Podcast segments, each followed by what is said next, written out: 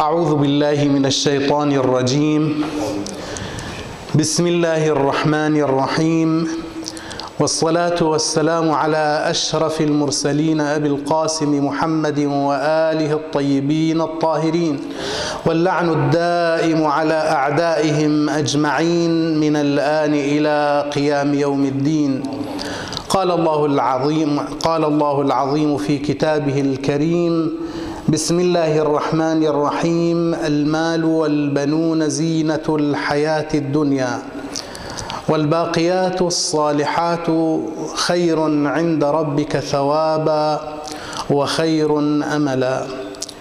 وفي آية أخرى قال سبحانه والذين اهتدوا زدناهم ويزيد الله الذين اهتدوا هدى. والباقيات الصالحات خير عند ربك ثوابا وخير مردا. آمنا بالله. صدق الله العلي العظيم. الآية الكريمة واضحة الدلالة في أن هناك أمرين. أمور مادية ظاهرية عند الناس ولكن وراء هذه الماديات هناك أمور يقيمها الله سبحانه وتعالى ويجعلها خيرا من هذه الأمور الظاهرية السطحية. واقعا الأمر كذلك. المال والبنون زينة الحياة الدنيا. ما هو المقصود من المال؟ المفهوم الظاهري في هذه الآية أن الأولاد أو الولد بشكل عام وما يملك هو الذي يميل إليه الإنسان ولكن هناك أشياء تبقى.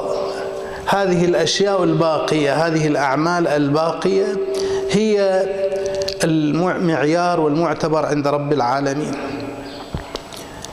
المال ما هو المال؟ ما المقصود من المال؟ هل المال هو النقود؟ هل المال هو العقار؟ المال كل ما يميل إليه الطبع البشري أو هو ما يكون للانسان يعني المال إما جاءت من ما له أو من مماله من الأمور التي يميل إليها. وعلى هذا يكون المال بهذا اللفظ عاما حتى للملك. هناك عندنا ملك وعندنا ملك. لمن الملك اليوم؟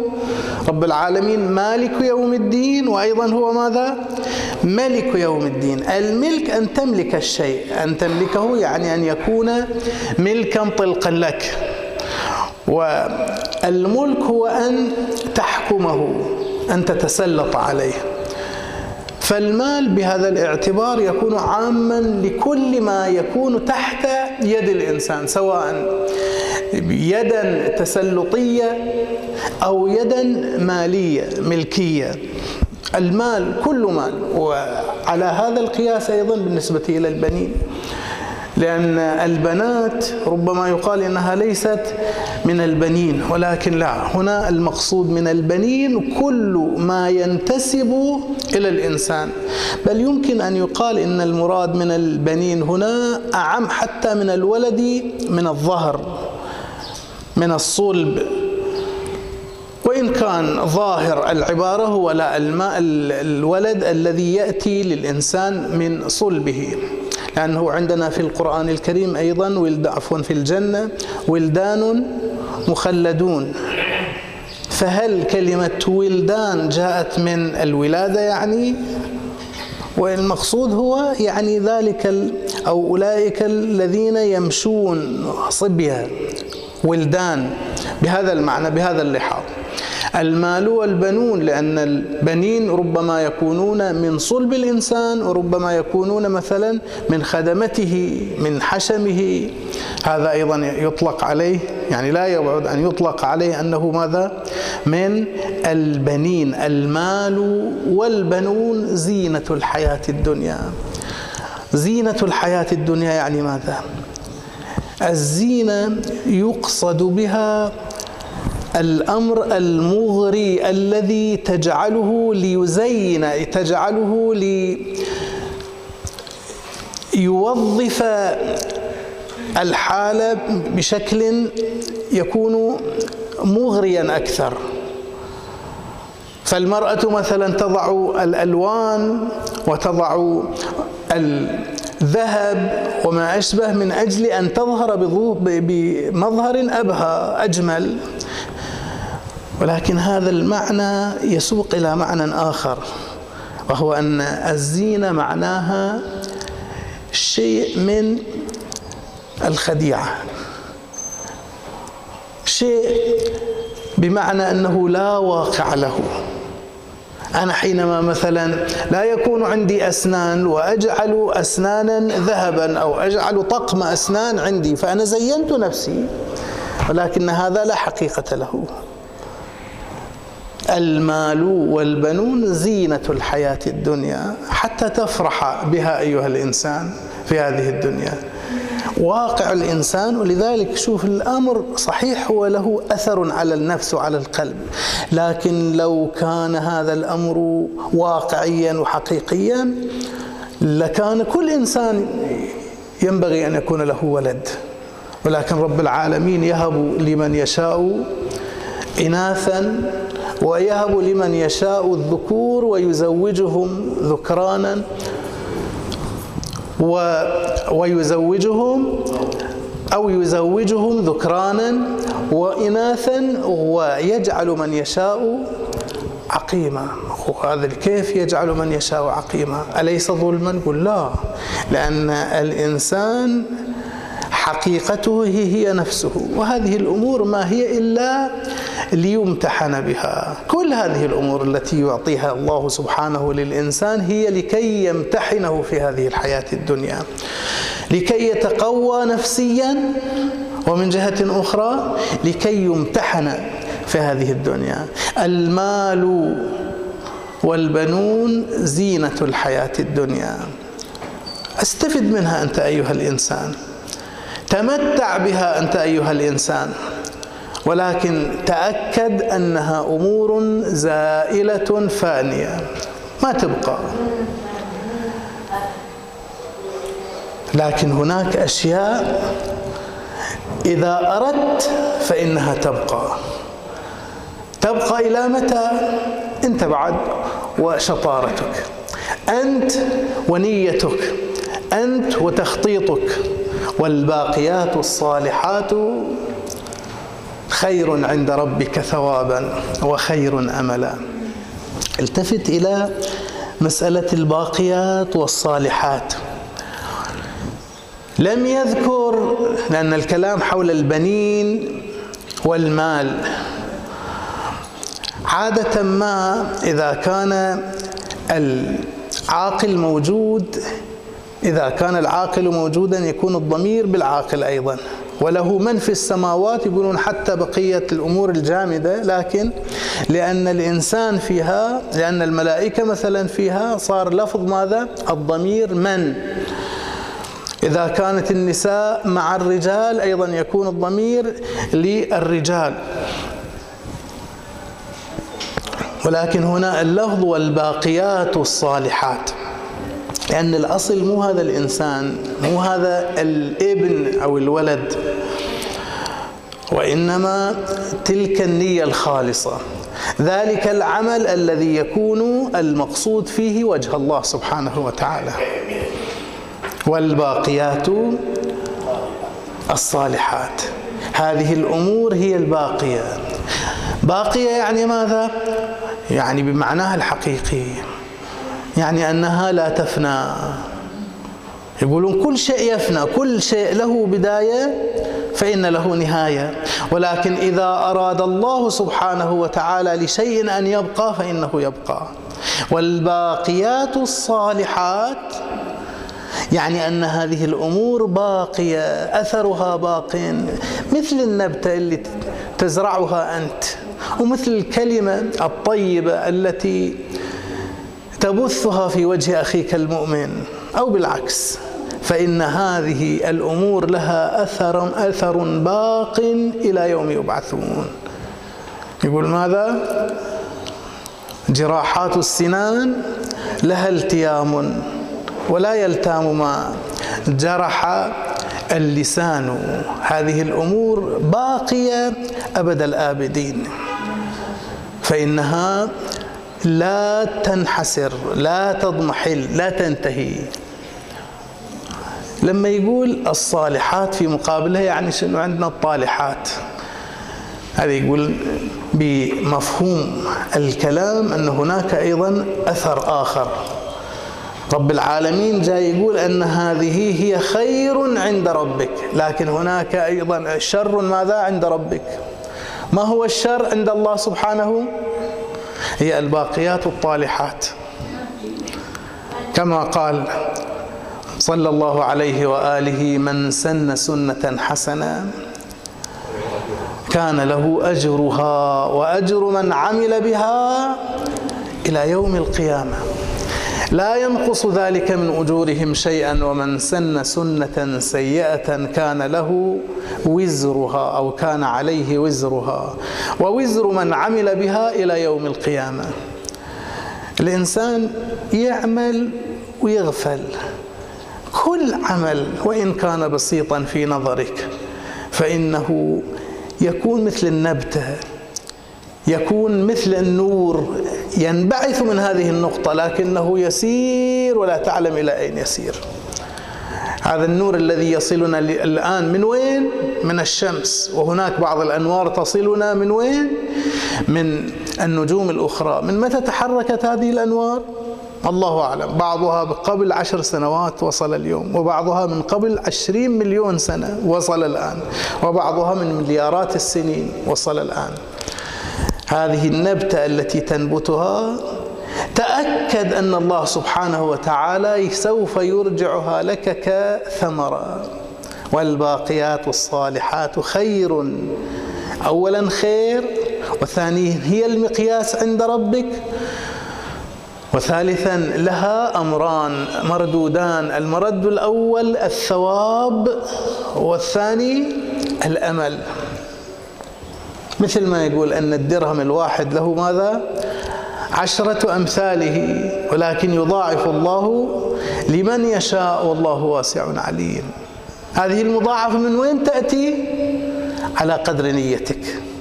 أنت شنو الآن مخلي هذه النية؟ ولذلك هنا الواحد يعني مهم جدا أنه إذا تريد تسوي العمل أصلح نيتك. عدل نيتك. تسوى. واقعا أنت الآن تعطي هذا الدرهم عشرة رجال واقفين راح يشوفون يقولون آه آه هذا الشخص مثلا تصدق وأعطى. ولكن بمجرد أن تلتفت إلى نفسك تعرف ترى أن هؤلاء العشرة مثل ما الآن يحيونك في الظاهر ممكن في الداخل هم يقولون إن هذا ماذا؟ يرائي ويذهبون وتذهب هذه العطية. ولكن إذا أخلصت الأمر لله سبحانه وتعالى يمكن بعد شهر بعد شهرين بعد خمسين سنة بعد مئة سنة في أولادك يرجعها الله سبحانه وتعالى أضعافا مضاعفة وكل درهم أنت أعطيته. لكن بنية خالصة بنية صافية إحنا نذكر عدة نقاط على وجه السرعة بعد أن تبينت مفاصل الآية. خير عند ربك ثوابا ثوابا يعني جزاء له جزاء وله املا أيضا وله أمل له مرد في الآية الثانية. أضعاف مضاعفة يضاعفها الله سبحانه وتعالى. سؤال هل أن الإنسان حينما يموت ينقطع عمله بعد ما يستطيع أن يقوم بعمل أو لا. بعض كل المسلمين تقريبا متفقون على أن الإنسان لأن هذا أحاديث عن رسول الله صلى الله عليه وآله وسلم قال إذا مات ابن آدم انقطع عن عمله إلا من ثلاث واحدة صدقة جارية الثاني ولد صالح يدعو له. الثالثة علم ينتفع به. هذا المسلمون كلهم متفقون على هذا القول.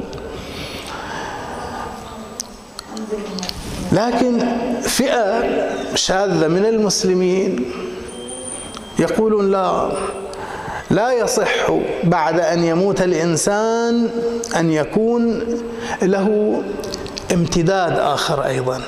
فقد إذا مات فقد انقطع. يحاول بعضهم أن يعدل الصورة فيقول نعم الحديث إحنا نتوقف عليه. نقول ماذا؟ نقول إذا تريد تصلي لأبوك أو تصلي إلى أمواتك لا تصلي لأن الحديث ماذا قال؟ انقطع. فقد انقطع عن عمله إلا من ثلاث. واحدة منها ولد صالح يدعو له. أنت ادعو لأبوك. قول اللهم ارحم أبي. لكن إذا كان عليه صلاة لا تصلي. تريد تهدي مثلا أعمال أخرى؟ لا تعمل لأن الحديث هكذا يقول صدقة جارية أن تسوي صدقة جارية والصدقة الجارية المفهوم منها أنه لك أنت أنت تتصدق عن نفسك. وتصير ماذا؟ صدقة لك. مو تسويها صدقة عن أبيك عن أمواتك. وهكذا أيضا علم ينتفع به أنت اللي تقوم به مو يقوم ابنك يسوي هذا العمل. وهكذا الفصل الثالث وهو ولد صالح يدعو له فإن هذا الولد فقط يدعو لأبي اللهم اغفر لأبي. ويستندون أيضا إلى آية في القرآن الكريم ويقولون الله سبحانه وتعالى في القرآن الكريم يقول وأن ليس للإنسان إلا ما سعى وأن سعيه سوف يرى العمل ما لك أنت. بعد هذا حصر بعد وأن ليس للإنسان إلا ما سعى. كيف واحد يجمع بين مثل هذه الآية الصريحة؟ المال والبنون زينة الحياة الدنيا والباقيات الصالحات خير عند ربك ثوابا وخير املا. ممكن واحد يقول ما في تنافي أصلا. الآية جاية تقول الأعمال اللي هو يسويها إذا مات فإنها إن كانت خيرا فإنها أيضا ماذا؟ تتكاثر. وإن كانت شرا فكذلك تتكاثر بالضد. وهذه أيضا تقول وأن ليس للإنسان إلا ما سعى وأن سعيه سوف يرى. يعني عمل الإنسان نفسه.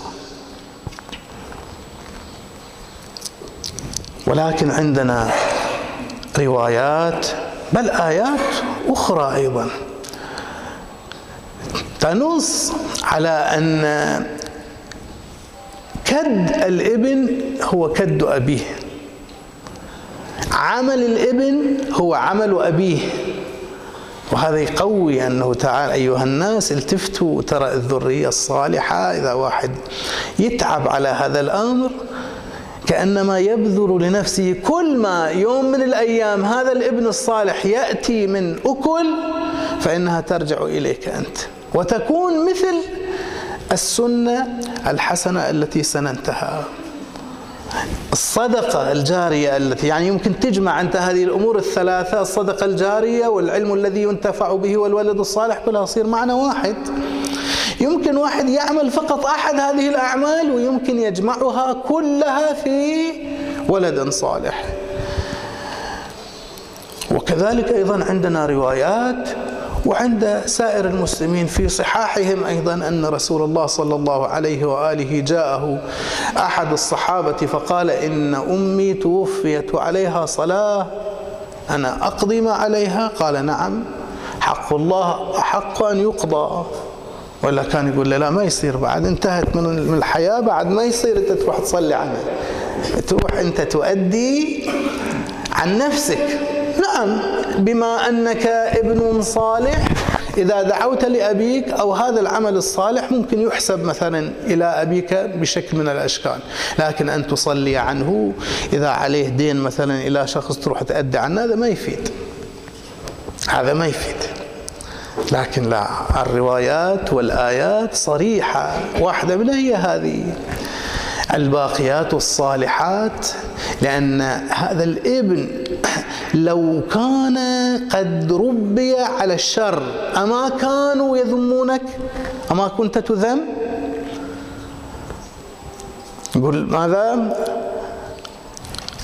مات في الكلب في القرية كلب فاسترحنا من عواه خلف الملعون جروا فاق في النبح أباه. يقومون يعيبون عليك يقولون أنت الذي جئت لنا بهذا الولد. وبالعكس أصلا الناس ليش يترحمون على الشخص الميت لما يشوفون عملا صالحا من شخص؟ لأنهم يرون أن هذا نبت ذاك.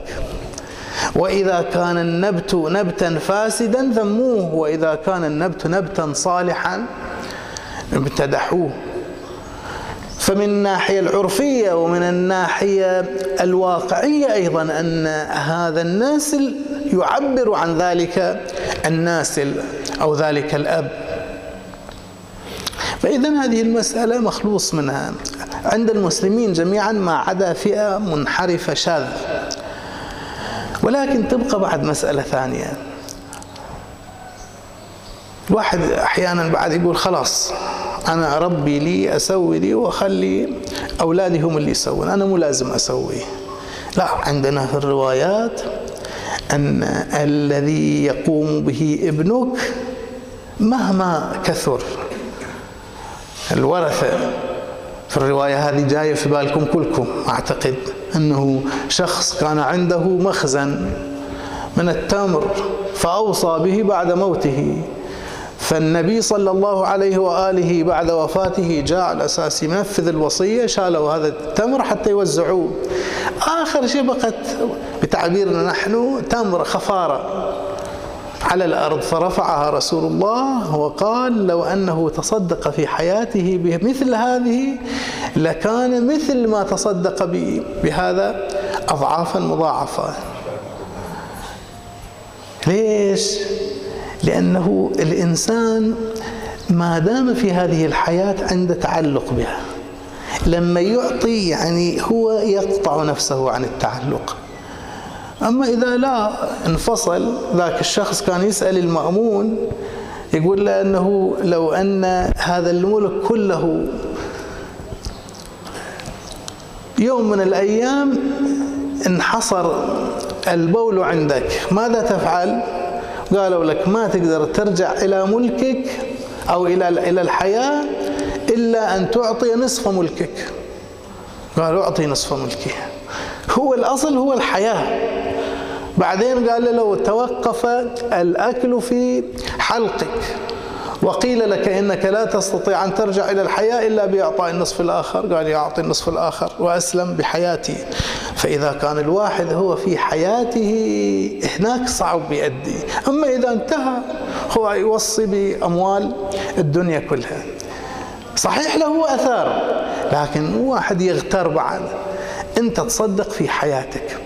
تصدق في حياتك مهما استطعت فإن تلك الصدقات تعود عليك. ولكن لعلها واحد من المليون. إذا يعني أحسننا أيضا النسبة. نقطة ثالثة وأخيرة أيضا نذكرها وهي أن هذه الباقيات الصالحات ما هي؟ هذا الذي يجب أن يتوقف عنده الإنسان. يقولون بشرك في وجه أخيك المؤمن صدقة. لما تربي ابنك تربية صالحة صدقة. لما تقف مسجدا صدقة. تقف حسينية صدقة. وطبعا كل صدقة من هذه الصدقات حسب مستواها. وحسب مستواك أنت. جهد المقيل هو الصدقة. واحد ما عنده إلا درهم. ما عنده إلا درهم. أحد كرماء العرب مشهور معروف. كان يعطي بالبيوت. كان يعطي العطايا التي تغني. يوم من الأيام ألقي عليه القبض في أيام الحجاج. قال لصاحبه تعرفني من أنا؟ قال لا قال أنا فلان. الآن اسم رايح على بالي لكن مشهور هو. فقال وماذا بعد؟ قال إذا تخليني أروح إلى البيت أزور عيالي و وأدي بعض أماناتي وأرجع إليك وأعطيك الجائزة الفلانية. أعطيك مثلا عقدا من الذهب على ما أتذكر هكذا. هذا طبعا إذا يترك كان يعرض نفسه للقتل بعد أن تركه وبقي إلى اليوم الثاني الذي كان يفترض أن يأتي فيه ذلك الشخص. ولم يأتي ولم يأتي إلى اللحظات الأخيرة فقدم جاء ذلك الشخص الكريم وفعلا جاء بالعقد وأعطاه إياه. قال الشخص الذي سمح له بأن يذهب أنه أنا أكرم منك أنا أجود منك لأن أنا صحيح ما أعطيتك شيء في الظاهر لكن أنا عرضت حياتي للخطر أنت جبت لي عقد وهذا فعلا حقيقي أمر صحيح.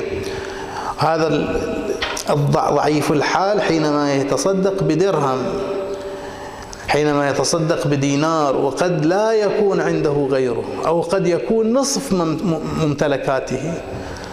لا شك أنه عند الله سبحانه أفضل من مليون يعطيها شخص مقتدر أو مستغني عن تلك الأموال. لكن الأصل هو أن يفكر الإنسان وكل إنسان منا مطالب. يفكر الإنسان في تلك الأعمال ولكن بصفاء النية التي يمكن أن تكون باقية صالحة له. بعض الفقهاء قالوا أن المقصود من الصدقة الجارية هنا هو الوقف. والظاهر إن العبارة عبارة عامة مطلقة يعني. لماذا التحجير ولماذا جعلها في خصوص الوقف؟ ولكن الوقف أحد أهم مصادقها وأوضحها. الآن ما دام ذكرت الوقف؟ أشير إلى هذه النكتة أيضا التي ينبغي أن يلتفت إليها وهي أنه الآن الأوقاف إذا واحد يريد يوقف مثلا في البحرين